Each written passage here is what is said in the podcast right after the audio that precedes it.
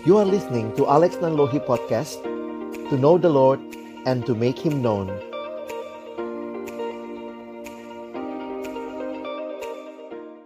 Mari kita berdoa sebelum kita membaca merenungkan firman-Nya. Kami datang dalam ucapan syukur kepadamu ya Tuhan.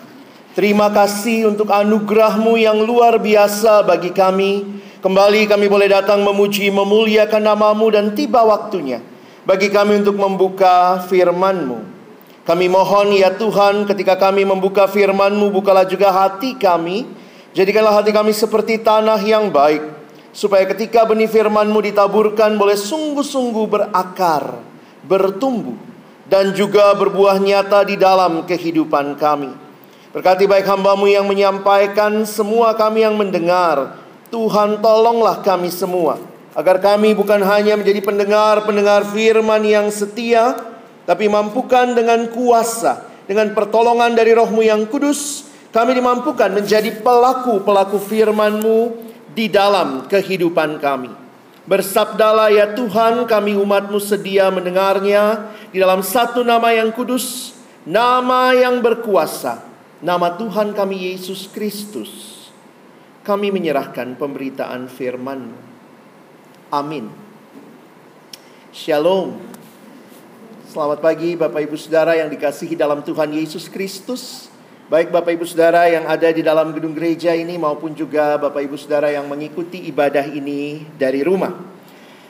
Hari ini kita memperingati Hari Reformasi. Tepat 504 tahun yang lalu Martin Luther Bapak Reformasi yang kita kenal menempelkan 95 dalil di depan pintu gedung gereja di Wittenberg. Saudara, banyak kali waktu berbicara reformasi saat ini 31 Oktober malah lebih dikenal dengan Halloween party, ya. Banyak yang lupa bahwa ini adalah hari reformasi. Hari ini kita akan melihat sama-sama apa yang terjadi di dalam reformasi dan kemudian nanti kita juga merefleksikan bagi hidup kita saat ini. Kalau saudara mengenal Martin Luther, maka saudara mungkin akan kembali melihat apa yang terjadi di dalam sejarah. Di dalam bagian yang menarik, Martin Luther menempelkan 95 dalil pada tahun 1517 yang menandai reformasi. Dan ini adalah respon terhadap penjualan surat penghapusan hukuman atau yang dikenal dengan nama indulgensia.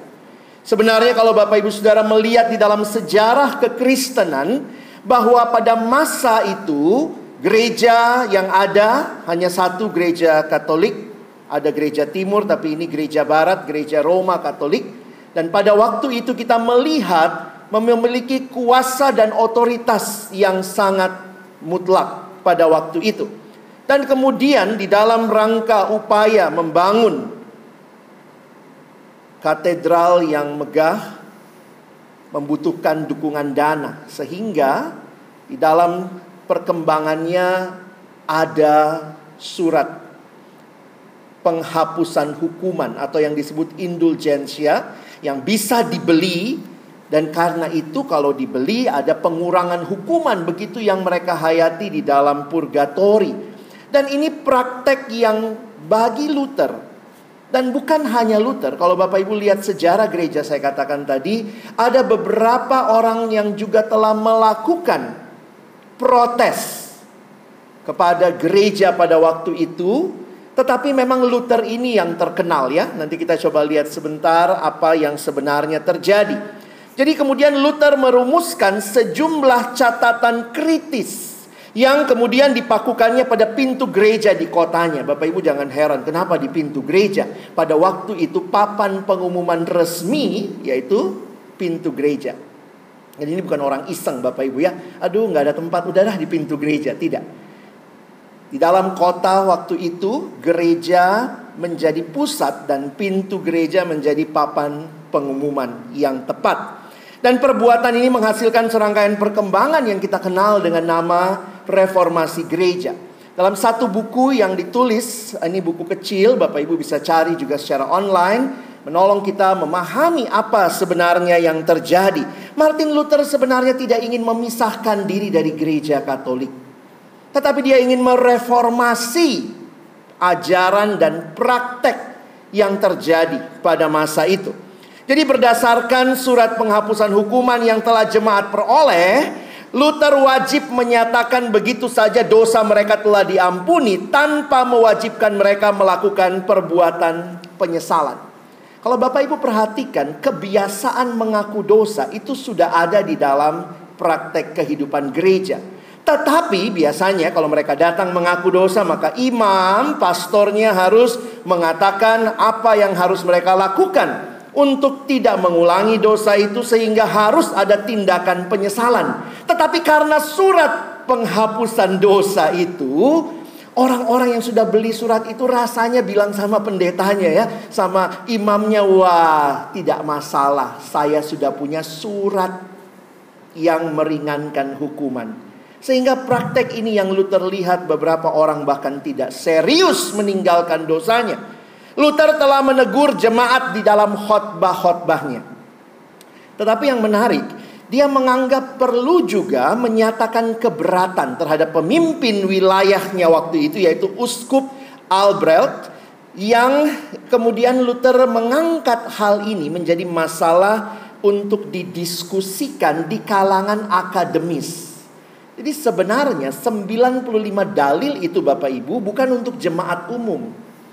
Ini adalah satu undangan melakukan diskusi terbuka secara akademis dan bahkan di dalam bagian awalnya dikatakan kalau sampai ada yang tidak bisa datang diskusi, silahkan nanti bisa menuliskan secara tertulis pendapatnya. Jadi sebenarnya sekali lagi Luther hanya ingin agar gereja kembali kepada ajaran dan praktek yang benar dan 95 tesis itu sekali lagi bukan untuk jemaat umum sebenarnya ya. Nah, oleh karena itu tadi saya katakan sesuai dengan kebiasaan waktu itu dia menyusun dalam tesis atau yang disebut dalil dan perhatikan ini di dalam aslinya bahasa Latin. Kenapa saya katakan tadi ini bukan untuk jemaat umum? Karena bukan dalam bahasa Jerman, sementara Luther ada di Jerman. Nah, sedikit kalau bicara sejarah ini jadi menarik. Ini tidak diarahkan untuk rakyat awalnya, tetapi oleh Luther bagi para kaum cendikiawan, kaum teolog. Kalau Bapak Ibu bisa lihat ini dalam bahasa Latin begitu ya. Mungkin agak kecil, tetapi Bapak Ibu nanti bisa searching di internet juga banyak informasi tentang ini. Dan apa yang menarik untuk kita perhatikan bahwa peristiwa itu terjadi pada tanggal 31 Oktober 1517 ya. Nah, kenapa dipilih tanggal itu? Kenapa Luther memilih tanggal itu? Para sejarawan melihat kemungkinan besar karena pada tanggal 1 November biasanya di dalam gereja istana, maksudnya gereja yang ada di bawah pemerintahan waktu itu, biasanya khotbahnya tentang penghapusan hukuman. Ya. Dan karena itulah Luther memilih tanggal tersebut. Tetapi apa yang terjadi? Ini jadi viral Bapak Ibu ya. Kenapa? Saya pikir di dalam sejarah ada Allah yang hidup, yang berkuasa. Apa yang saudara bisa perhatikan? Mengapa reformasi Luther begitu cepat tersebar di seluruh Eropa? Tidak terlepas dari Allah yang bekerja di dalam sejarah. Penemuan mesin cetak membuat apa yang Luther tuliskan ini tersebar dengan sangat cepat dalam satu data sejarah dikatakan kurang dari dua minggu. Apa yang Luther tempelkan bahkan telah sampai ke Inggris. Karena mesin cetak. Saudara mungkin yang sekarang pikir, wow, ini belum ada internet Bapak Ibu Saudara ya. Tapi waktu itu kalau sesuatu dicetak dan disebar, wow itu dampaknya luar biasa. Mengapa para reformator sebelum Luther dampaknya agak lokal ya. Ada beberapa orang seperti John Huss, ada lagi yang namanya John Wycliffe. Tapi mereka memang gerakannya cukup lokal, tetapi yang Luther lakukan ditolong dengan mesin cetak itu. Wow, berkembang begitu luar biasa di seluruh daratan Eropa. Konon, kalau menurut cerita, ada anak muda yang waktu lihat papan itu ditempelkan dalil Luther dia cepat-cepat mencatatnya dan bawa ke percetakan ya. Sehingga dalam sejarah sangat cepat. Dan inilah yang menyebabkan gereja Katolik merasa terancam. Karena kalau surat penghapusan dosa ini dikritik tidak dibeli lagi dari mana? Uang pemasukan yang waktu itu untuk membangun Basilika Saint Peter. Bapak Ibu Saudara yang dikasihi Tuhan di dalam sejarah kita melihat bahwa sekalipun kelihatannya peristiwa-peristiwa sangat manusiawi, tetapi Allah bekerja di dalam sejarah. Mengapa? Karena Allah yang punya gerejanya dan Allah yang rindu gerejanya mengalami pembaharuan dan karena itulah di masa Martin Luther kita melihat pembaharuan itu terjadi. Nanti kalau Bapak Ibu membaca lebih lanjut sejarah Sekali lagi Luther tidak ingin awalnya memisahkan diri Tetapi dia dikejar terus, diminta pertanggungjawaban Lalu diminta mencabut 95 dalil ini Dan akhirnya di dalam sejarah Luther harus menghadapi satu sidang yang dikenal dengan Diet of Worm Pada tahun 1521 Nah ini kalau senang sejarah ingat tahun-tahunnya ya. Reformasinya 1517. Dia harus bertanggung jawab di Diet of Worms 1521 dan hasilnya dia diekskomunikasi. Luther dibebas tugaskan dengan dari seluruh jabatan dan juga tanggung jawab pada waktu itu. Jadi kalau Bapak Ibu lihat bukan berarti 15-17 langsung ada gerakan protestan Tetapi belum ada gereja protestannya Karena Luther masih ada di dalam gereja katolik. Apa yang perlu kita pikirkan, renungkan ketika kembali mengingat reformasi? Satu hal yang menarik penulis-penulis kemudian menyimpulkan bahwa semboyan reformasi ini biasa dikenal dengan lima sola. Ya. Nah, ini memang bukan uh, murni Luther tulisnya lima sola, tidak ya.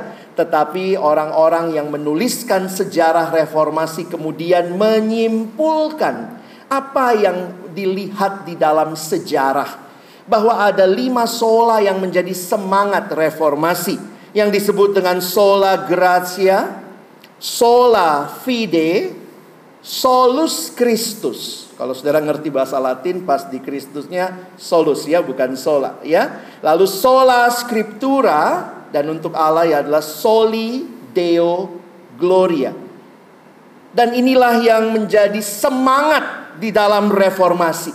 Saya ingin mengajak kita memperhatikan sedikit lebih dalam tentang sola scriptura. Karena saya melihat bahwa inilah yang menjadi dasar yang paling utama kebangunan rohani. Saudara, saya mengutip kalimat dalam sebuah artikel yang ditulis oleh Profesor Ben Witherington yang mengatakan begini, di dalam pandangan saya, hal yang paling membahayakan yang Luther lakukan sebenarnya bagi dia bukanlah memakukan 95 dalil itu, tetapi menerjemahkan Alkitab ke dalam bahasa Jerman sehari-hari. Ordinary German. Dan encouraging its spread dissemination. Maksudnya Luther mendorong agar orang-orang punya akses terhadap kitab suci.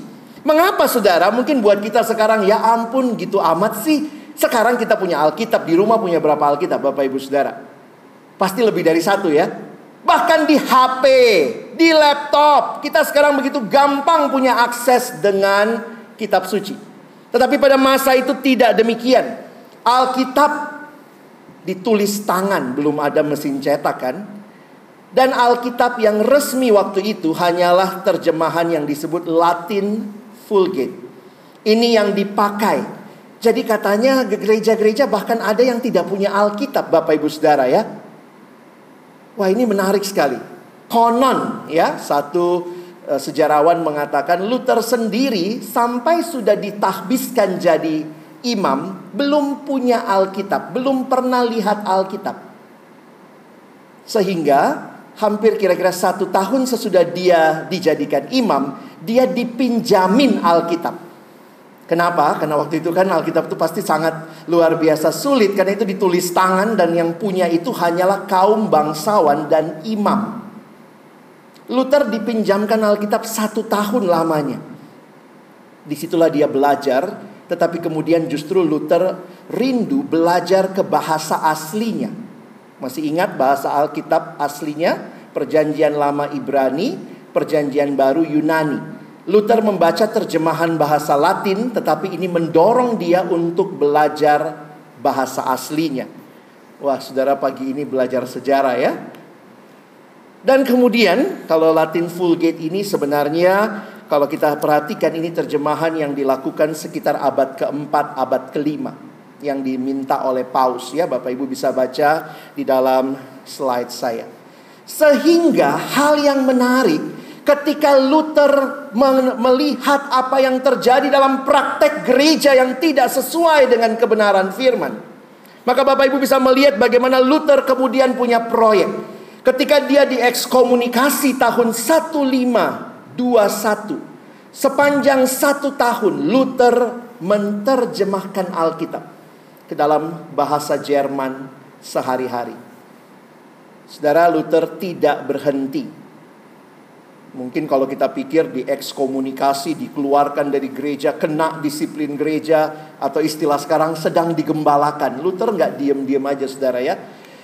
Maka ada Alkitab Luther yang sampai hari ini, kalau Bapak Ibu ke Jerman, mereka masih menggunakan terjemahan Luther. Ini terjemahan yang perjanjian barunya itu selesai tahun 1522. Masih ingat Luther di ekskomunikasi 1521. Setahun itu dia menerjemahkan ke dalam bahasa Jerman sehari-hari perjanjian baru. Perjanjian lamanya selesai pada tahun 1534. Lengkaplah Alkitab PL dan PB dalam bahasa Jerman sehari-hari dan dalam sejarah Bapak Ibu lihat Luther langsung menerjemahkan dari bahasa asli dia tidak pakai dari Latin Vulgate tadi dan hal yang menarik sampai menjelang Luther meninggal sejarah mencatat Luther meninggal 1546 sampai tahun 1545 Luther terus melakukan revisi terhadap terjemahannya dan itu dipakai di Jerman sampai hari ini. Saudara, apa yang menarik? Mengapa sola scriptura? Ketika gereja punya banyak tradisi yang membenarkan hal-hal yang sebenarnya tidak ada di dalam Alkitab. Maka Luther berdiri dan menyerukan kembali kepada Alkitab. Sola scriptura. Saudara, kalau Alkitab cuma didominasi oleh pemimpin dan pemimpin itu punya kuasa, bayangkan orang Jerman untuk Jerman ya.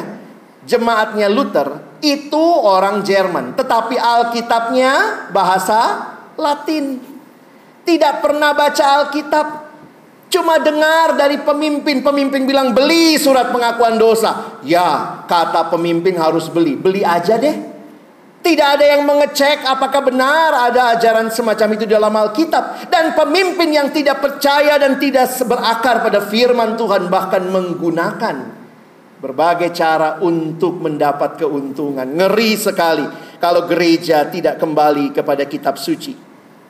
Sehingga kalau saudara memperhatikan di dalam sejarah, saya hanya bisa menyimpulkan bahwa kebangunan rohani reformasi yang sejati sebenarnya terjadi ketika umat Allah berjumpa dengan Allah di dalam melalui firman-Nya. Gereja reformasi menempatkan mimbar sebagai pusat. Khotbah menjadi kesempatan umat mendengarkan Allah. Ya, saudara perlu perhatikan juga ya perbedaan-perbedaan aliran dalam kekristenan. Gereja-gereja dalam aliran reformasi, pusatnya apa? Mimbar. Firman diberitakan. Ada Bapak Ibu pernah ke gereja yang lain? Kalau gereja Katolik pusatnya altar. Itu dalam sejarah jelas. Mimbar ada di samping. Sehingga puncak perayaan ibadah hari Minggu adalah misa. Fokusnya altar. Puncak perayaan ibadah kita firman. Gereja reformasi menempatkan mimbar sebagai bagian utama. Sehingga kalau saudara perhatikan, sola scriptura lah yang membuat kemudian sola-sola yang lain. Luther temukan Calvin sebagai penerus, Zwingli, orang-orang yang kemudian melihat apa yang Alkitab sampaikan. Di dalam sejarah, Luther bukan orang pertama sekali lagi. Bahkan di dalam Alkitab kalau Bapak Ibu bilang emangnya ini semua belajar sejarah aja Pak? Tidak. Bapak Ibu juga bisa lihat ya. Lihat reformasi Raja Yosia. Kalau Bapak Ibu perhatikan reformasi yang terjadi di masa Raja Yosia yang naik tahta umur 8 tahun. Lalu kemudian Yosia dengan anugerah Tuhan dia melakukan reformasi salah satunya adalah memperbaiki rumah Tuhan. Nah, Bapak Ibu menarik, waktu memperbaiki rumah Tuhan, tiba-tiba kemudian ditemukan kitab Taurat Musa. Wah, menarik ya. Ternyata umat selama ini di dalam rumah Tuhan menarik sekali kalau baca satu Tawarikh 30, dua Tawarikh 34 ya. Dituliskan di situ. Ditemukanlah ada imam yang ketemu waktu itu dia temukan kitab Taurat Musa di rumah Tuhan. Saya geli baca itu ya. Bayangkan Bapak Ibu. Kitab Taurat Musa di dalam rumah Tuhan itu ketemu nyelip kayaknya ya, tidak dipakai selama ini. Itu sama kayak ceritanya gitu. Wah, kemarin kami ke gereja, lalu ternyata gereja kita ketemu Alkitab. Ternyata Alkitab nyelip, nggak dipakai selama ini. Sehingga kemudian waktu ditemukan kitab Taurat Musa dibawa kepada raja. Maka ada tulisan di dalam satu Tawarikh 34, dua Tawarikh 34. Nanti Bapak Ibu bisa lihat seluruhnya ya. Safan panitra negara itu memberitahukan juga kepada raja, Imam Hilkiah telah memberikan kitab kepadaku. Lalu Safan membacakan sebagian di depan raja. Perhatikan responnya. Segera sesudah raja mendengar perkataan Taurat itu dikoyakkannya lah pakaiannya. Saudara perjumpaan dengan firman Tuhan itulah yang menjadi kebangunan rohani yang sejati. Esra melakukan reformasi ibadah. Didampingi Nehemia yang melakukan reformasi dalam kemasyarakatan. Dia bangun tembok. Esra membangun kembali ibadah umat Allah. Menarik sekali di dalam Esra pasal 7 ayat yang ke-10. Dituliskan sebab Esra telah bertekad untuk meneliti Taurat Tuhan dan melakukannya serta mengajar ketetapan dan peraturan di antara orang Israel. Saudara ini kerinduan yang sangat dalam. Sekali lagi, Esra bukan di zamannya Martin Luther. Kira-kira di zaman Esra kayak apa kitabnya ya? Pasti gulungan-gulungan begitu ya. Dan ini kemudian dipelajari bagi saya ini tiga kata kunci yang menarik harusnya bagi kita orang percaya juga. Meneliti, melakukan, bahkan membagikannya, mengajarkannya. Dan perhatikan apa yang terjadi. Ketika Tuhan pakai Esra, dia juga dipakai bagi umat Allah. Perhatikan di dalam Nehemia pasal 8. Pada satu waktu mereka kumpul dalam hari raya itu, bagian-bagian daripada kitab itu yakni Taurat Allah dibacakan dengan jelas dengan diberi keterangan-keterangan sehingga pembacaan dimengerti. Ini kalau kita ngerti sekarang ini kayak khotbah ya.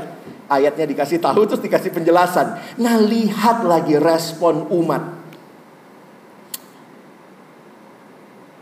Lalu Nehemia yakni kepala daerah itu dan Imam Esra ahli kitab itu dan orang-orang Lewi yang mengajar orang-orang itu berkata kepada mereka semua, "Hari ini adalah kudus bagi Tuhan Allahmu. Jangan kamu berduka cita dan yang dan menangis." Kenapa Saudara? Perhatikan. Karena semua orang itu menangis ketika mendengar kalimat-kalimat Taurat itu. Perjumpaan dengan firman Tuhan membawa pembaharuan menolong kita menyadari betapa mengerikannya dosa, betapa luar biasanya kasih dan anugerah Allah. Gereja reformasi Alkitab menjadi utama. Beberapa gereja bahkan lambang gerejanya ada Alkitabnya ya Bapak Ibu ya. Di dalam beberapa gereja reformasi yang lain bahkan Alkitab yang masuk duluan. Begitu ya, dalam ruang ibadah. Ada mimbar dan ini menunjukkan betapa luar biasanya. Dan itu kerinduan Luther. Luther membawa Alkitab kembali ke tangan rakyat. Kepada umat Allah yang pada waktu itu dengan cara Tuhan. Mesin cetak ditemukan, maka Alkitab Luther kemudian bisa dicetak, didistribusikan, dan luar biasa kebangunan rohani yang terjadi. Saudara lihat sikap Luther terhadap firman. Menarik ya. Kalimatnya dia, The Bible is alive. Alkitab itu hidup. Dia berbicara kepadaku. Alkitab itu punya kaki yang mengejar aku. Alkitab itu punya tangan yang memeluk aku. Alkitab adalah sumber air, mata air yang luar biasa. Ketika seseorang datang minum darinya, dia akan terus menerus menimbulkan rasa haus untuk terus menerus minum. Wow, saudara, luar biasa. Bagaimana dengan kita? Masih baca Alkitab? Masih menghargai Alkitab yang kita miliki? Kadang-kadang jadi sedih melihat kekristenan tanpa Alkitab. Satu waktu saya datang ke satu sekolah Kristen, tidak usah saya sebutkan nama sekolahnya. Lalu saya tanya, kepada anak-anak yang ada di sekolah itu. Itu kebaktian SMA. Saya tanya, numpang tanya. Siapa yang dari kecil Kristen? Dari lahir deh Kristen yang begitu lahir namanya udah Matius, Markus, Maria, Marta begitu ya. Wah, karena itu sekolah Kristen Saudara kira-kira sekitar 85% anak angkat tangan. Itu kira-kira 300 siswa ya. Wah, angkat tangan. Ya, siapa yang dari kecil Kristen? Angkat tangan, udah ya. Coba angkat yang tinggi. Sekarang saya tanya pertanyaan kedua. Siapa yang sudah pernah baca Alkitab sekali habis dari kejadian sampai wahyu? Tet, tangan mulai turun. Saya bilang pelan-pelan aja turunnya biar nggak malu. Dan akhirnya tersisalah saudara, masih puji Tuhan ada sisanya ya. Tersisa tiga orang. Dan saya jadi bertanya, apakah Alkitab begitu penting buat hidup orang orang percaya saat ini? Apakah saudara dan saya benar-benar menjadikan kitab suci harta utama kita. Yang ketika kita merindukan keluarga kita juga menikmatinya. Anak orang Kristen soalnya pulang sekolah ngeles ya. Ngeles apa? Alkitab. Enggak ya. Matematika, fisika, kimia. Enggak salah. Karena Bapak Ibu anak butuh pelajaran tambahan. Tapi apa didorong baca Alkitab ya? Saudara sepupu kita bahkan merindukan anak-anaknya selesai baca kitab suci mereka kira-kira kelas 3 SMP. Makanya pulang sekolah mereka selalu pergi ngaji. Menarik ya? Anak orang Kristen nggak banyak yang kayak gitu ya. Kalau mama-mama kumpul apa yang dibicarakan? Eh berapa nilai anakmu? Oh berapa nilai anakmu? Siapa guru lesnya? Kalau anak mereka mungkin kumpul ditanya, udah hatam nggak? Udah selesai baca kitab suci? Kita gereja reformasi, tapi kitab suci bukan segala-galanya. Tambahan. Bahkan ada yang bilang jangan terlalu sering baca Alkitab nanti gila. Hah? Ngeri ya? Ini gereja reformasi, saudara. Orang-orang yang mengatakan Alkitab adalah firman Tuhan segala-galanya, tapi berkata jangan terlalu sering dibaca, nanti gila. Luther membaca Alkitab dan dia gila di zamannya karena dia memberitakan apa yang Alkitab sampaikan. Kalau saudara membaca ajaran-ajaran yang lain, sumbernya itu Alkitab ya. Mungkin saya tidak banyak bicara yang lain, tapi saudara bisa lihat dalam sejarah sola gracia, grace alone, anugerah Allah, keselamatan itu karena perbuatan baik atau karena usaha kita. Anugerah Allah atau perbuatan baik kita. Jelas keselamatan adalah anugerah Allah, bukan sesuatu yang kita upayakan. Kalau saudara dan saya yang mengupayakan keselamatan, maka siapa juru selamat? Berdua dong. Saya berdua juru selamat, Pak. Tuhan Yesus sama saya. Kalau keselamatan karena perbuatan baik kita. Saya kadang-kadang mikir ya, kalau keselamatan perbuatan baik di sorga tuh orang sombong banget pasti ya. Kenapa masuk sini? Kemarin baru sumbang gereja. Kemarin baru bangun tiga gereja. Oh, kenapa masuk sini? Oh, saya usahanya semua hasilnya untuk panti asuhan. Kita bisa sombong di surga. Kenapa? Kenapa masuk sini? Ya karena perbuatan baik saya. Tapi di surga kita semua hanya akan berkata Tuhan, saya nggak layak. Bukan karena perbuatan baikku, tapi karena anugerahmu. Karya keselamatan adalah anugerah Allah semata bukan karena perbuatan baik kita. Kekristenan dengan tegas menyatakan keselamatan bukan apa yang kita lakukan bagi Tuhan, tapi apa yang Tuhan lakukan bagi kita. Kalau saudara ikut andil, berarti saudara juga juru selamat dong. Makanya Luther punya kalimat menarik ya. Kutipan dia. If grace depends on our cooperation. Kalau anugerah itu bergantung pada kerjasamamu, maka itu bukan lagi anugerah karena ada bagianmu. Anugerah itu karena kamu nggak punya bagian apa-apa. Oh, luar biasa ya. Melihatnya kepada siapa? Sola gracia diterima dalam iman kepada solus Kristus. Tidak ada keselamatan lain. Luther mengatakan kalimat ini, when I look at myself, I don't see how can how I can be saved. Waktu saya lihat hidup saya, saya nggak gimana saya bisa diselamatkan. Tetapi when I look at Christ, I don't see how I can be lost. Semua anugerah Allah berpusat pada karya pengorbanan Kristus. Kalau begitu siapa yang dapat solideo gloria? Ya Tuhan ya, jangan solidewe gloria. Bukan untuk kemuliaan Bapak Ibu. Kalau Bapak Ibu juru selamatnya ya solidewe gloria. Tapi Deo, Allah, Tuhan. Timothy Keller berkata, agama-agama hanya membuat manusia bangga atas apa yang dia lakukan, tetapi Injil make us proud of what Jesus has done. Makanya kita bersyukur anugerah Tuhan. Luar biasa. Semangat reformasi mengingatkan kita betapa tidak mungkinnya engkau dan saya selamat. Hanya karena anugerah Allah. Lalu pertanyaan kita, kalau begitu perbuatan baik itu di mana letaknya ya? Nah, apakah orang Kristen nggak berbuat baik? Enggak, kita berbuat baik, tapi perbuatan baik bukan syarat keselamatan. Makanya perhatikan kalimat ini. Kita diselamatkan bukan karena melakukan perbuatan baik, tapi jangan lupa kita diselamatkan untuk berbuat baik. Kita diselamatkan hanya karena iman. Betul. Makanya kalimat bahasa Inggris ini menolong salvation always produce works. Salvation always produces works. But works never produce salvation. Pekerjaan-pekerjaan tidak membuat keselamatan, tetapi keselamatan membuat kita melakukan pekerjaan yang baik. Dalam sebuah kesimpulan seorang tokoh reform bernama R.C. Sproul dalam buku yang dia tulis, ini buku singkat padat tentang kepercayaan iman Kristen, dia menuliskan tentang hubungan iman dan perbuatan baik. Karena kan orang suka nanya, jadi kita beriman atau berbuat baik atau bagaimana ya? Lalu kemudian ini dia katakan rumusan reformasi kita dibenarkan berdasarkan iman saja. Tetapi iman itu bukan iman yang berdiri sendiri.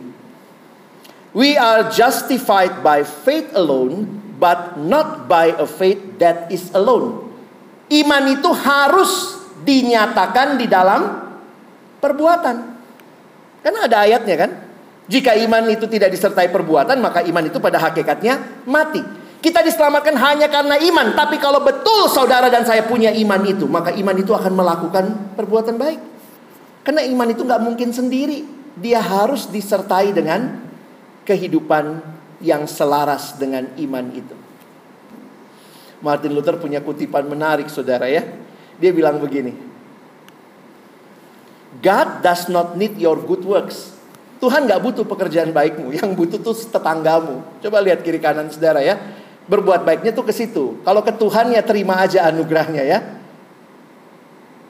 God doesn't need your good works, but your neighbor does. Saudara inilah semboyan reformasi. Sola scriptura hanya kitab suci, bukan hal yang lain, bukan tradisi. Tapi semua harus diuji berdasarkan kitab suci. Kebangunan rohani sejati terjadi ketika umat berjumpa dengan Tuhan dalam firman Tuhan. Beberapa kali saya pimpin retret, saya ingat juga pernah waktu itu mau KKR malamnya, lalu gurunya, ini saya di sekolahan ya, terus gurunya bilang gini, jadi Pak Alex nanti KKR-nya bagaimana Pak? Ya saya akan baca Alkitab Bu, saya bilang gitu ya. Karena gurunya nanya gini, nanti pas kapan Pak? Nanti biar saya matiin lampunya.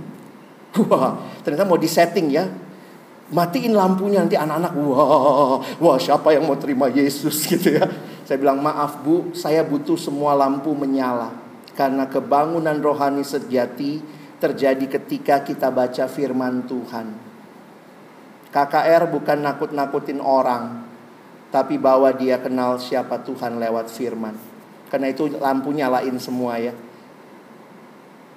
kadang-kadang kita berpikir Alkitab itu cuma aksesoris. Sola scriptura. Sola gratia hanya anugerah bukan perbuatan baik. Sola fide hanya iman di dalam iman tetapi bukan iman yang berdiri sendiri. Solus Kristus dia yang utama dan bagi Allah lah kemuliaan. Kalau gereja Tuhan sampai hari ini melakukan reformasi, maka semboyan reformasi ini jadi penting Ecclesia reformata semper reformanda est secundum verbum Dei. Dalam bahasa Latin yang artinya dalam bahasa Inggris. The church reform, always reforming according to the word of God. Reformasi belum selesai. Bapak, Ibu, Saudara, dan saya. Gereja Tuhan hari ini terus direformasi. Mari terus baca firman Tuhan. Menikmati pembaharuan apa yang tidak sesuai kita kembalikan sesuai dengan firman-Nya. Sebagai ayat penutup saya ingin Bapak Ibu Saudara yang ada di ruangan ini kita baca sama-sama. Bapak Ibu Saudara yang di rumah, ini juga pesan Paulus bagi jemaat di Roma. Roma 12 ayat 2, 1 2 ya. Janganlah kamu menjadi serupa dengan dunia ini, tetapi berubahlah oleh pembaharuan budimu sehingga kamu dapat membedakan manakah kehendak Allah apa yang baik, yang berkenan kepada Allah dan yang sempurna. Kiranya semboyan reformasi, semangat reformasi terus bergema di dalam gereja Tuhan, di dalam setiap hidup kita yang merindukan firman itu membaharui kita terus. Dan Allah kepala gereja bekerja dalam sejarah di generasi ini juga memakai Bapak Ibu Saudara membawa pembaharuan bagi hidup di sekitar saudara. Selamat memperingati hari reformasi. Tuhan Yesus memberkati kita. Amin. Mari berdoa. Tuhan terima kasih banyak untuk firman-Mu. Sekali lagi kami bersyukur boleh melihat sejarah yang di dalamnya Tuhan sendiri berkarya. Kerinduan kami Tuhan di generasi ini juga Tuhan pakailah kami membangun gereja Tuhan, membangun umat-Mu bahkan dunia ini Menjadikan firman Tuhan sebagai patokan standar satu-satunya. Terus merendahkan diri, menyadari betapa tanpa anugerah Tuhan kami tidak ada apa-apanya. Sekali lagi bersyukur karena kami sama-sama boleh mendengarkan firman-Mu, boleh diteguhkan kembali dan merindukan gereja Tuhan di generasi ini. Terus mengalami reformasi sejati bagi kemuliaan Tuhan. Kami bersyukur di dalam nama Tuhan Yesus kami sudah berdoa. Amin.